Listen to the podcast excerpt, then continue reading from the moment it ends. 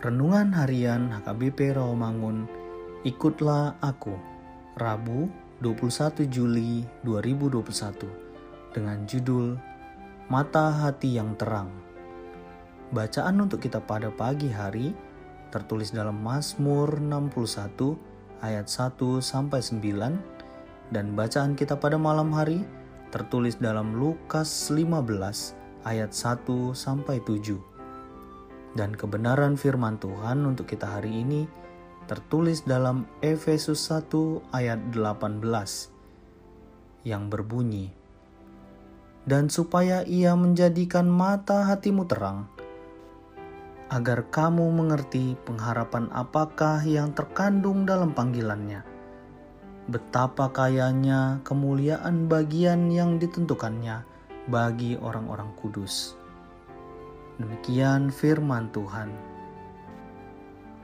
Sebagai orang beriman, kita bukan hanya memiliki mata secara jasmani untuk melihat, melainkan juga mata secara rohani. Mata jasmani memiliki jarak pandang yang sangat terbatas, namun mata rohani dapat melihat hal-hal yang tidak kelihatan, bahkan dapat melihat begitu jauh melampaui jarak dan waktu. Memiliki mata rohani yang terang adalah hal yang sangat penting untuk harus dimiliki setiap orang beriman.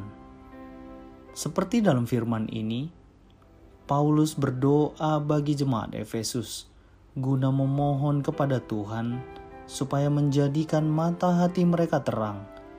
Mata hati yang terang akan dimampukan melihat mengerti, dan memahami betapa mulianya Allah yang kita sembah di dalam Tuhan Yesus Kristus. Kita dipanggil bukan hanya untuk menerima keselamatan saja, tetapi juga hidup dan bertumbuh di dalam Tuhan Yesus Kristus. Pengenalan akan Allah yang benar hanya dapat dipahami dengan mata hati yang terang, sebab tak sedikit orang memahami Allah dengan pemahaman yang salah dan keliru yang hanya berdasarkan kebutuhannya saja. Marilah kita bersama teguh berdiri dengan mata hati yang terang untuk dapat mengerti setiap pengharapan di dalam Tuhan, serta dapat memahami segala kuasanya yang telah dinyatakannya melalui Tuhan Yesus Kristus atas kehidupan orang-orang percaya. Kiranya melalui mata hati yang terang, iman dan pengharapan kita kepada Allah semakin menguatkan serta mengenal setiap rencana dan rancangan Allah di dalam kehidupan kita. Mari kita berdoa.